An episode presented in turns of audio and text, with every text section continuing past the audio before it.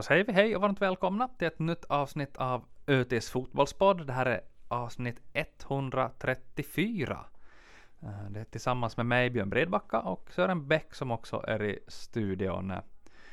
Vi är inne i sommartider och det är också lite kristider här för FF Jarro som går riktigt, riktigt svagt i, i division 1. Det har blivit flera förluster i rad här nu då senast Gnistan i söndags och innan dess det här äh, riktigt sega derbyt i Karleby, som blev sen förlust då. Sören, nu ställs det en hel del frågor, reses en hel del frågetecken inför eh, äh, FF Jarro och fortsättningen här inför säsongen. Äh, det är tuffa tider för, för klubben. Absolut, speciellt med tanke då att man höjde svansföringen här ordentligt och tycker jag överraskande inför säsongen och, och kom med ett uttalat uttalad ambition om, om ligaavancemang som jag aldrig riktigt har förstått varifrån man, man, man hämtar den och på vilka grunder. Men det här gjorde man ju då också när man föll 2015 så gjorde man det in, inför 2016 och, och, och, hade, och, och skulle ta sig tillbaka genast och det blev ju då platt fall i division 1 och då fick ju Jaro-legenden äh, äh, Alexej Remenko stryka på foten och nu är det ju många som i framförallt social media äh, som, som också som vill ha Jimmy, Jimmy Varg, tycker att Jimmy Varg har gjort sitt i Jaro. Ja, det är mycket hård kritik mot äh, Jimmy Varg och precis som du säger Sören, ser man på kommentarer på sociala medier så är folk äh, besvikna, ilskna, upprörda över, över Jaros säsong och, och det bottnar ju först, förstås i, i, att resultaten har varit verkligt dåliga, men allra mest har det kanske just att göra med det här att, att man gick ut med den här äh, målsättningen inför att nu, nu, nu skulle man till ligan. Uh, säkert fanns det orsaker till det här, om det då liksom man, man, man kände att uppmärksamheten kring Jaro på något sätt började bli för liten, kanske hade med sponsorer, sponsorer att göra, vad va, va vet jag vad det där hade att göra med, men man gick i alla fall ut med den målsättningen. Uh, och det är alltid en risk. Och nu betalar man ju verkligen priset för det här. Dels med all den här kritiken, kanske också med pressen som blir extra stor när man har gått ut med det här nu när vi spelar in den här tisdagen i juni här så har jag väl Jaro samlat ihop 20 poäng. Man har vunnit två matcher. Man lyckades då slå Pepo borta och man har slagit PK 37 uh, på hemmaplan. Uh, I övrigt har det mest då av allt blivit förluster. En, en riktigt, riktigt mörk säsong har det varit. Uh, och nu är det då Jimmy Vargs tränarskap, inte minst, som uh, ifrågasätts här. Uh, Sören, din uh, take på hela den här tränarfrågan i Jaro? Är det dags för Jaro att agera i, i tränarfrågan? Ja, om det kort och gott så skulle jag säga nej på det om det är en rak fråga. Som sagt, jag var ju in på det här att finns det faktiskt förutsättningar för den här ligaambitionen? Jag tycker väl kanske inte det. Och vad jag såg här, man hade väl ökat på sin spelarbudget enligt de uppgifter som man har själv gett uppenbarligen till bollförbundet i samband med den här det här licensförfarandet som vi med från 150 till 170 000, det här är ingen stor ökning. Det var mer av att man har gjort en analys på att de andra lagen ska vara svagare, men sen har vi då ett lag som till exempel SJK och Akatem är väldigt svåranalyserat, deras spelarbudget som, som ligger på 100 000 hur ser kostnadsfördelningen ut där med ligalaget etc. Så de, de, här, de här siffrorna ska jag säga, Jaro från år till år borde vara ganska jämförbart, men, men att jämföra då Jaros spelarbudget med de andra lagen så, så, så är vanskligt för att man eh, lagen lägger inte in, in, in kompatibla, alltså jämförbara siffror i, i, i det här, i, i, när, när de meddelar, så, så är det tyvärr. Ja, de här budgetarna som, budgetarna som uh, anmäls inför säsongen, så det är ju inte speciellt mycket att, att luta sig mot. Uh, jag anser ju att, få, att, att har Jaro sin idealelva på plan så är det definitivt ett lag som ska kunna slåss eh, i den absoluta toppen av division 1. Jag har ju också tippat dem som, som division 1-vinnare. Uh, eh, ett, ett tips som redan när det gjordes förstås var, var optimistiskt. Men eh, uh, med spelare för spelare i en idealelva så tycker jag definitivt att Jaro ska, ska kunna vara ett, ett, uh, ett topplag. Sen var det ju en medveten risktagning, det har vi också varit inne på det här med, med Jaros lagbygge och nu har man ju råkat ut för skador uh, avstängningar och inte minst då profilspelare som har underpresterat. Sören, det här vet jag att du är inne på i din text som, som kommer här, här nu också, att, att uh, flera av de här, som inte minst då offensivt, eh, uh, Severi Kähkönen, Pauli Deng, uh, är väl kanske de två, de som skulle vara de lysande stjärnorna här som, som ju den här ena hemmamatchen verkligen visar vad de kan men, men som inte har, har ännu producerat så brett som man hade kunnat förvänta sig av dem. Nej, det är ju på sin höjd blixtra till får man väl säga och den, den kan jag vara speciellt kritisk emot att, att han har gjort egentligen en bra säsong. Det var 2016 med Ilves. Sen när det var en, en rad underprestationer och det, det finns ju orsaker förstås varför han kommer till division 1 som 29-åring med Jaro och då är det just för att han har underpresterat men är det då realistiskt att ha några som helst förväntningar på att han plötsligt ska börja producera här? Uh, tveksamt. Och så den här truppen igen att man det, det som vi nu har varit inne på här, att man har över, överdoserat på, på mittfältare, det här är lite ett arv från Jeremenko, det här gjorde man ofta också under hans tid. Uh, man har en massa mittfältare, men man har ingen center. Så till den, till den delen så kan man väl argumentera för att, att den här själva strukturen på den här truppen inte är optimal. Nej, och det har vi ju pratat om här att, att flera gånger just att det, det blev väldigt mycket mittfältare. Adam Widjeskog värvades in som, äh, som ytterback främst. Men nu har vi ju sett då att, att det är ju som mittfältare han har presterat och nu tycker jag att den här startelvan i, i Gnistan-matchen var, bar tydliga tecken av att Jimmy Berg verkligen byggde den för att få in Adam Widjeskog och Jack, eh, Jacob Bouchou som, som de här balanserande Äh, mittfältarna. Det lyckades ju bra i den här första halvleken mot TPS och det lyckades bra nu också hemma mot Gnistan och frågan är om Adam Widjeskog inte har spelat sig till en, en mittfältsposition nu tack vare de här insatserna. Man kan väl argumentera för också att när Adam flyttade ner från mitten här nu senast så, så tappade Jaro också en stor del av sitt, äh, av sitt spel mot, mot Gnistan och, och följaktligen blev det också då en, ähm, en 2-0 förlust. Uh, och jag är väl in, i viss mån på samma linje som dig här Sören med att det här lagbygget inte är strukturellt sett det, det allra bästa. Det, det saknas den här centern. Uh, men jag vidhåller i varje fall att det finns en eh, Uh, Jaro tog en chansning. Det, det fanns en, en startelva som skulle kunna göra det och det är klart att det här blir mycket kvar av säsongen. Mycket kan ännu göras. Uh, resultaten är för svaga. Spelet har varit lite för, lite för dåligt. Men både du och jag Sören är, precis som du sa här inne på att, att sparka Jimmy Varg i det här skedet, det är absolut ingen väg att gå för, för Jaro och äh, det får vi väl helt enkelt försöka motivera, för det vet vi att det finns väldigt många där ute som, som, som, som tycker att, att, att, uh, att kicka tränaren i det här läget är, är den enda vägen att gå. Och den, den åsikten får man ju ha respekt för. Det är klart att det, det är så det brukar gå till i, i, i fotbollen. Uh, och för min del kan jag väl nog tycka att skulle, det här, skulle jag i det här skedet ha en tränare utifrån, säg en, eh, ja, en Christian Hims typ som man skulle ha plockat in. Uh, visst, då i så fall skulle det kunna vara läge att, uh, att göra någonting. Men nu är det Jimmy Varg som är tränare i Jaro och han är inte bara tränare i Jaro utan han, han är verkligen en, en spindel i nätet för hela, hela Jakobstadsfotbollen och det här behöver Jaro nog ta i i beaktande. Man behöver tänka på lite längre sikt för Jakobstadsfotbollens bästa. Uh, Jaro har kanske inte möjlighet att vara den här klubben som man till varje pris ska maximera uh, representationslagets uh, prestation uh, varje år, eller i alla fall försöka vrida exakt allting ur den på allt annats bekostnad, utan Jakobstadsfotbollen är så pass liten i sammanhanget ändå att man behöver tänka mera långsiktigt än så. Jo, det finns, äh, äh, ja, Jimmy Varg förstås har ju lång historik, Jaro-kapten, äh, eh, varit med, inom, varit med som försäljare tillsammans med Niklas Tobacka, var det som man kan säga var med och rädda Jaro här vid bolagiseringen och sedan varit talangtränare, juniortränare, att, att det, han, han är ju en av de här pjäserna som man det här Jarobrandet byggs kring, att, som, som man jobbar, skulle säga, jobbar i tiotals år för Jakobstadsfotbollen.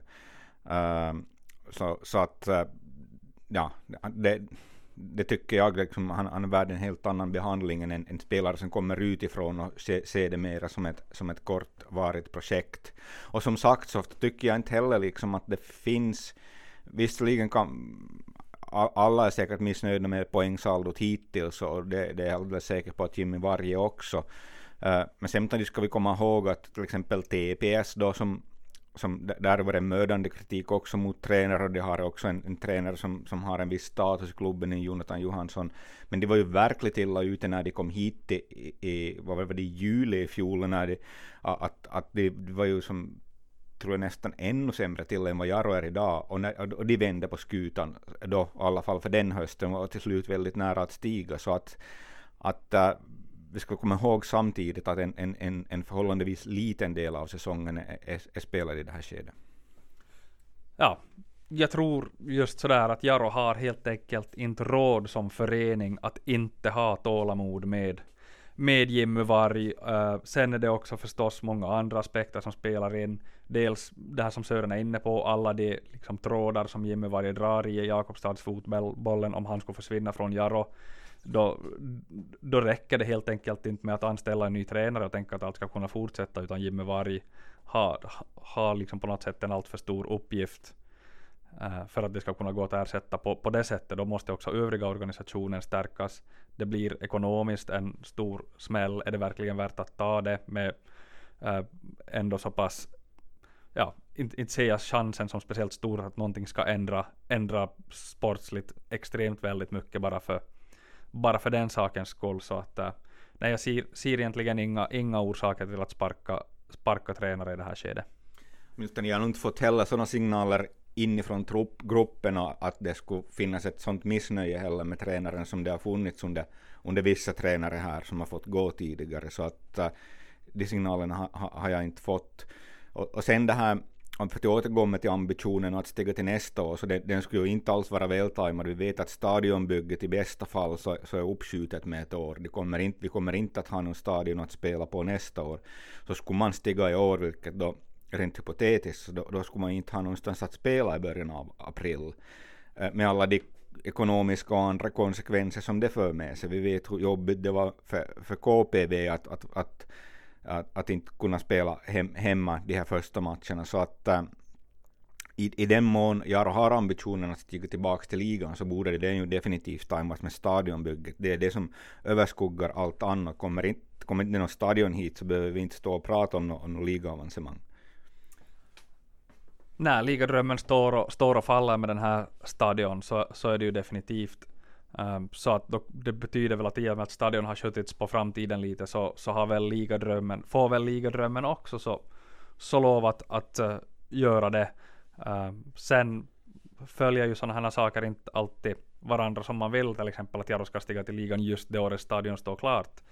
Mycket kan hända ännu den här säsongen. Jaro har åtta poäng upp till den fjärde platsen som som då ger, ger möjlighet till, till vidare kval. Så att allt som, allt som krävs är i princip att Jaro ska få tillbaka lite spelare, hitta en sommarform som övergår i en höstform och plötsligt så finns alla, uh, alla möjligheter. Uh, så att uh, nej, någon, någon sparkad tränare tror jag definitivt inte på i det här skedet, precis som, precis som du Sören är, är inne på. Det finns ganska många anledningar till, till det. Sen är det bara att konstatera att, att varken spelet eller poängsaldot kan man vara, kan man vara nöjd med.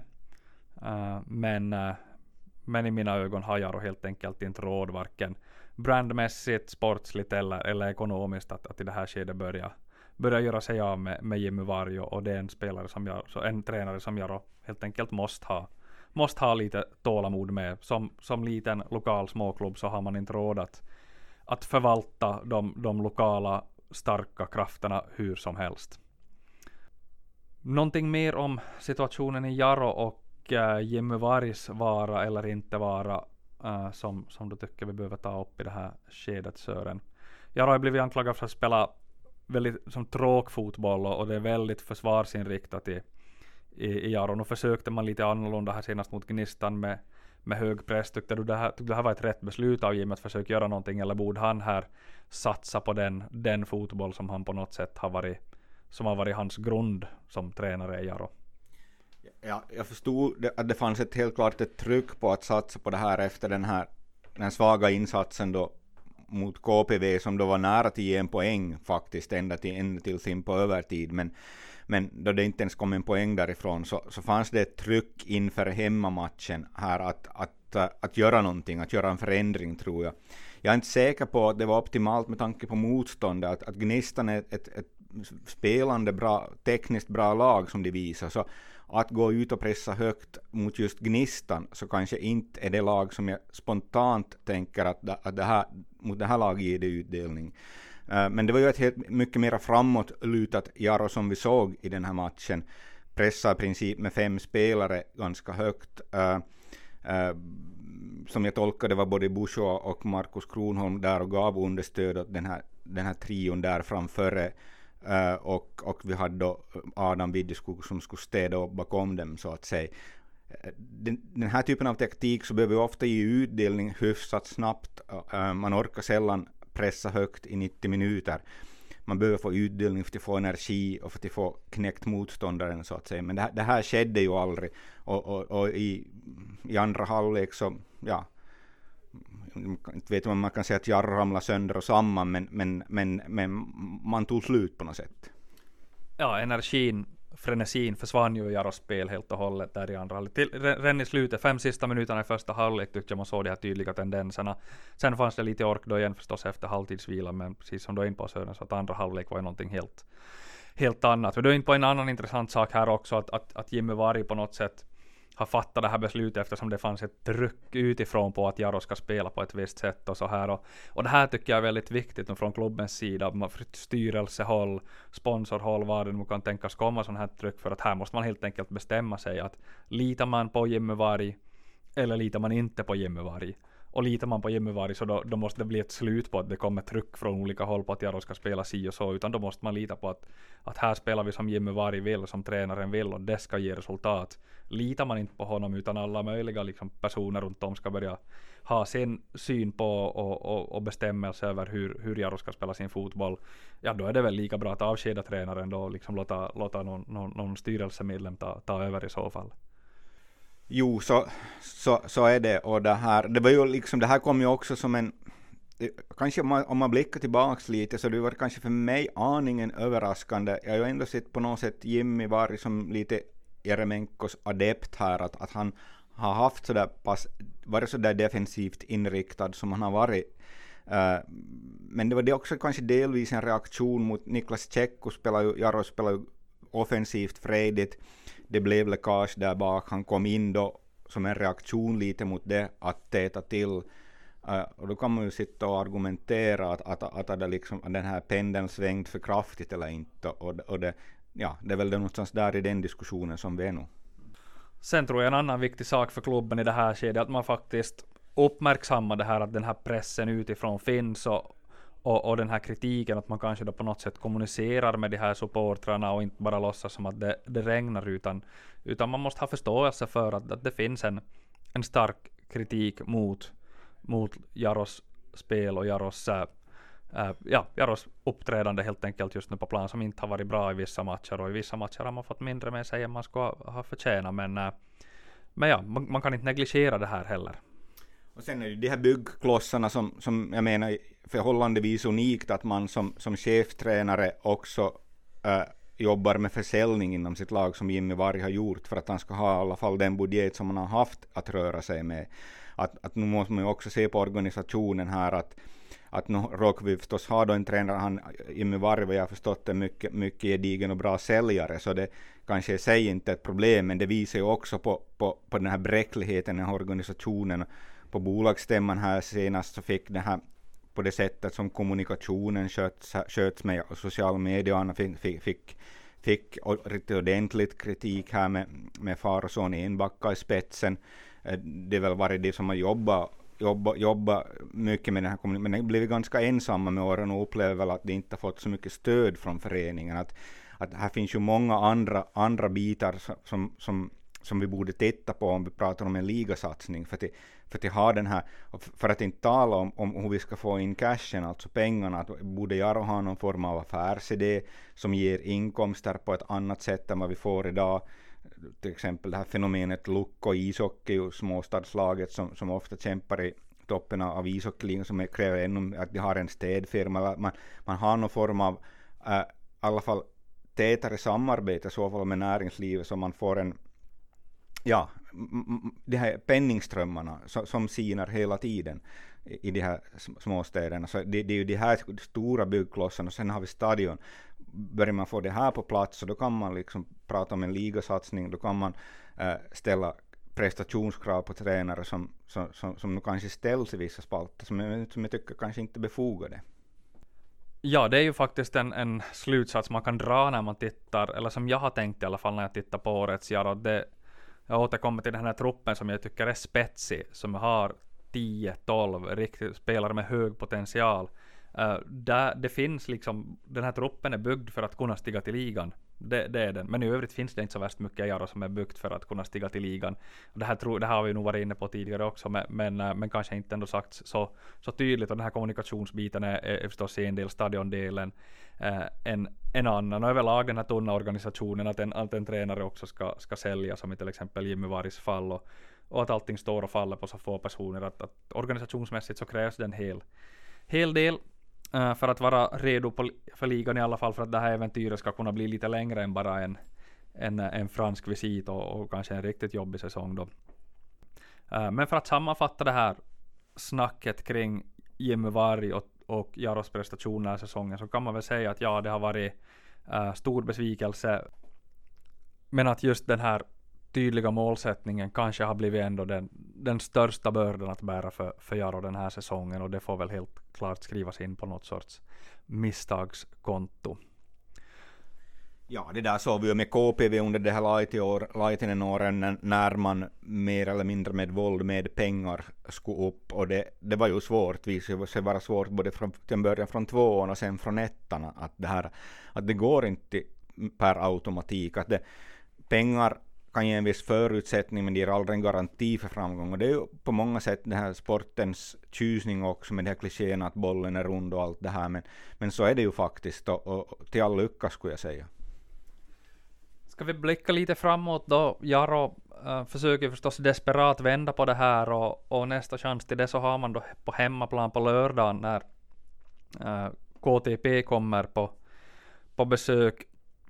Äh, och nu har vi inte haft någon match inför, inför den ännu, så vi vet väl inte exakt läget i Jaro, men, äh, men lite borde det väl ljusna i alla fall. Om, om jag nu har tolkat saken rätt så är Guillermo Satelo tillbaka och kan ta den här vänsterbacksplatsen som, som Jaro har haft så stora problem med. Äh, sen återstår det att se då hur det blir på mittbackspositionen. Äh, om Okoye går in som mittback igen. Jaro hade ju inte ett dåligt mittbackspar här senast när Alex Ramsey, som, som jag tyckte på, överraskade positivt, gjorde bra. Marcel Vardy klarade bra. Uh, till höger i backlinjen hade vi då Aron Bjornbäck som, som ju kanske är Jaros stora utropstecken och ljuspunkt den här säsongen. Ja, jag funderar faktiskt här om vi tänker liksom vad de hade för förväntningar på de här enskilda spelarna inför säsongen och det levererar. Jag hade faktiskt, tror jag, högre förväntningar på Aron Bjornbäck än många andra, men han har överträffat till och med dem på något sätt. Sen är det ju egentligen så att alla andra på något sätt nästan har underpresterat i förhållande till sin nivå. Och det är ju klart att då, det är ju lite bekymmersamt för tränaren om det är sånt, för han skulle ju ändå få ut, få, få ut av materialet, det, det, måste man väl tillstå. Men, men äh, ja, eh, som sagt, de här med profilspelarna igen, Savchenko, han har varit darrigare, varför han har varit darrigare, det har, kriget, hur det kan påverka. Äh, eh, Gulbis skrev man kontrakt med när han var långtidsskadad, han är fortsättningsvis skadad, han skulle vara en profilspelare. Uh, Brunell är skadad igen. Uh, han skulle vara en profilspelare. Han har inte heller varit i toppform ska vi säga i år. Sotelo, hetlevrad, det visste vi. Avstängd redan nu, det är ingen nyhet. Uh, så det, det fanns bräckligheter i de här relativt få, vi kanske pratar 7-8 etablerade här riktigt, ett bra division 1-spelare. Det fanns, och, och, och, en stor del av de här så, så är det inte spelat, eller så är det inte spelat till sin nivå. Så är det och äh, om vi blickar, äh, riktar blickarna mot den här KTP-matchen så, så ska det bli väldigt intressant att se då hur Jimmy tänker här i mittförsvaret. Ganska övertygad om att Sotelo börjar till vänster, Bjornbäck till höger. Sen då hur är det med Brunelle, hans spelredo har jag ingen aning om faktiskt i det här skedet. Det följer ot.fi eller läs tidningen här närmare lördagen, så kommer ni definitivt att få veta det. Uh, sen har vi mm, Okoye. Uh, vilken position tar han? Blir han mittback då när Sotilo kommer tillbaka? Eller vill Jimmy Varg fortsätta med Marcel och äh, Alex Ramsey där och hamnar och koja i så fall på bänken. Ja, jag skulle säga att det är helt möjligt. Jag, jag, jag vet att det finns ett visst missnöje här kanske med Okoye också och uh, Jimmy Varg var ganska nöjd med sitt mittbackspar här senast, så om, om han är logisk och följdriktig och kommunicerar det så borde han kanske ge dem chansen på nytt. Eh, sen är det väl vad jag vet ännu ytterst oklart med Brunell med lön, alltså att ta en skada då med, med, med en sträckning, och det är alltid bra att vila någon extra dag, så det är ju inte alls säkert att han, att han ens står till förfogande inför, inför den här helgens match, och då, och då faller ju alla de här bitarna på sin plats egentligen, speciellt de man vill ha, vilket jag tror man vill, ha Adam Widjeskog på mittfältet. Sen är det ju då att Jakob Busho kommer som den här tunga, tunga profilspelaren, lagkapten direkt, att det är ju egentligen hans bästa position. Att no, aningen oroväckande, så han har ju gått ner lite i prestationen. Hans, han har ju samma styrkare princip som Adam Widjeskog, vinna boll, spela enkelt. Men är ju ingen stor playmaker. Så vem ska göra spelet? Ja, då faller ju mycket på, på Markus Kronholm som, som också inte riktigt har kommit upp till sin nivå i år. Nej, det där är nog ett, har varit ett problem, att man har inte riktigt hittat den här spelande, eh, spe, vad ska man säga, spelande mittfältaren. Man har inte hittat rätt med, med den. Däremot så tycker jag ju nog att när de gånger jag nu då har spelat med Jacob Bouchou och eh, Adam Widjeskog på balanserat mittfält så har spelet också sett som allra mest stabilt ut. Jag har kunnat kontrollera spelet uh, på, ett, på ett bra sätt. Sen har man inte alltid skapat jättemycket framåt, men det har jag i varje fall sett väldigt kontrollerat och trögt ut. Som nu till exempel äh, Gnistan här senast och också den här hemmamatchen mot TPS ända fram till utvisningen.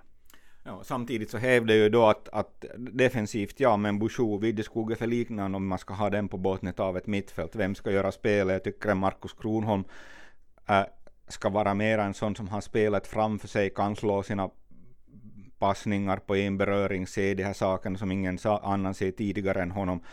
Därför ska inte han vara en djupledsspelande äh, offensiv mittfältare, utan han ska vara mera en, en som sitter mera i någon form av åttans roll på sin höjd eller bredvid en Bouchou eller bredvid en Vidjeskog. Så då är det igen hur man komponerar det här laget. Att uh,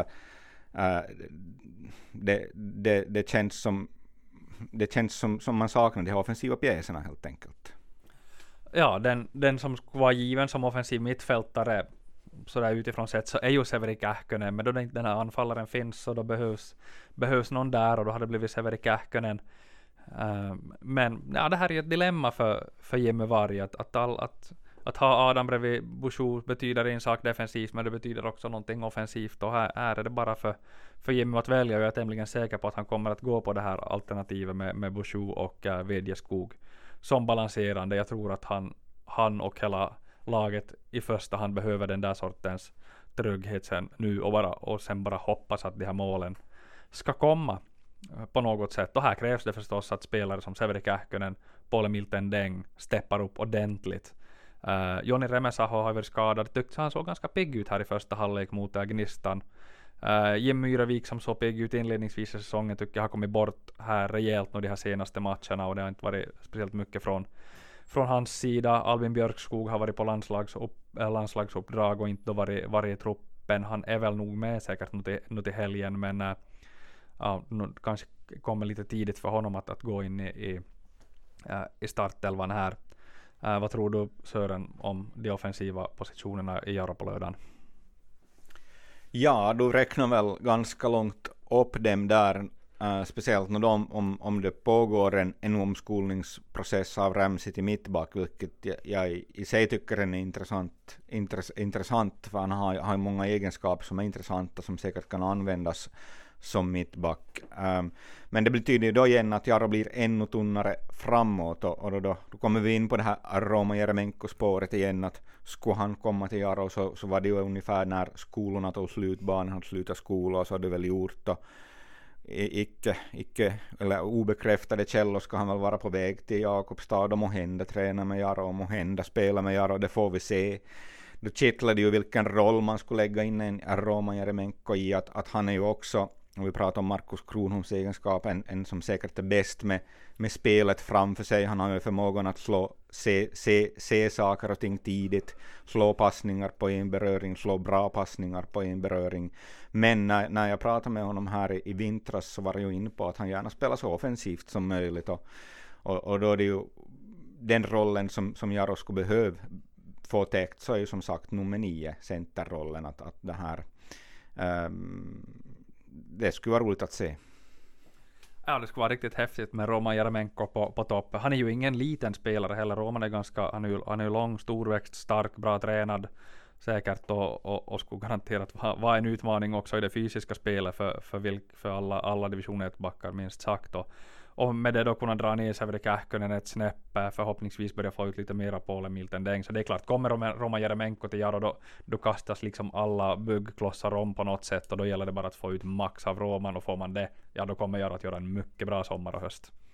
Och på något sätt om man hittar den här naturliga nian så, och Jaro spelar ju ganska dynamiskt, i princip har man ju fyra nu senast vill jag säga som hade fem riktigt offensiva spelare, men oftast kanske fyra och, och, att ofta byter det här plats och, och, och rör om lite och, och det här att om, ponera, man kan ju tänka sig att, att Kähkönen, Roman Jeremenko kan, kan bli en duo som skulle fungera bra i lag.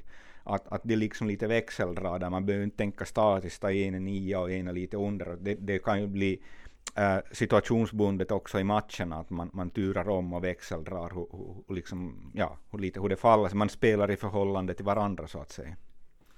Ja, så lite förhoppningsfullt blickar vi trots allt framåt här under de här ganska mörka Jaro-veckorna som har, har varit.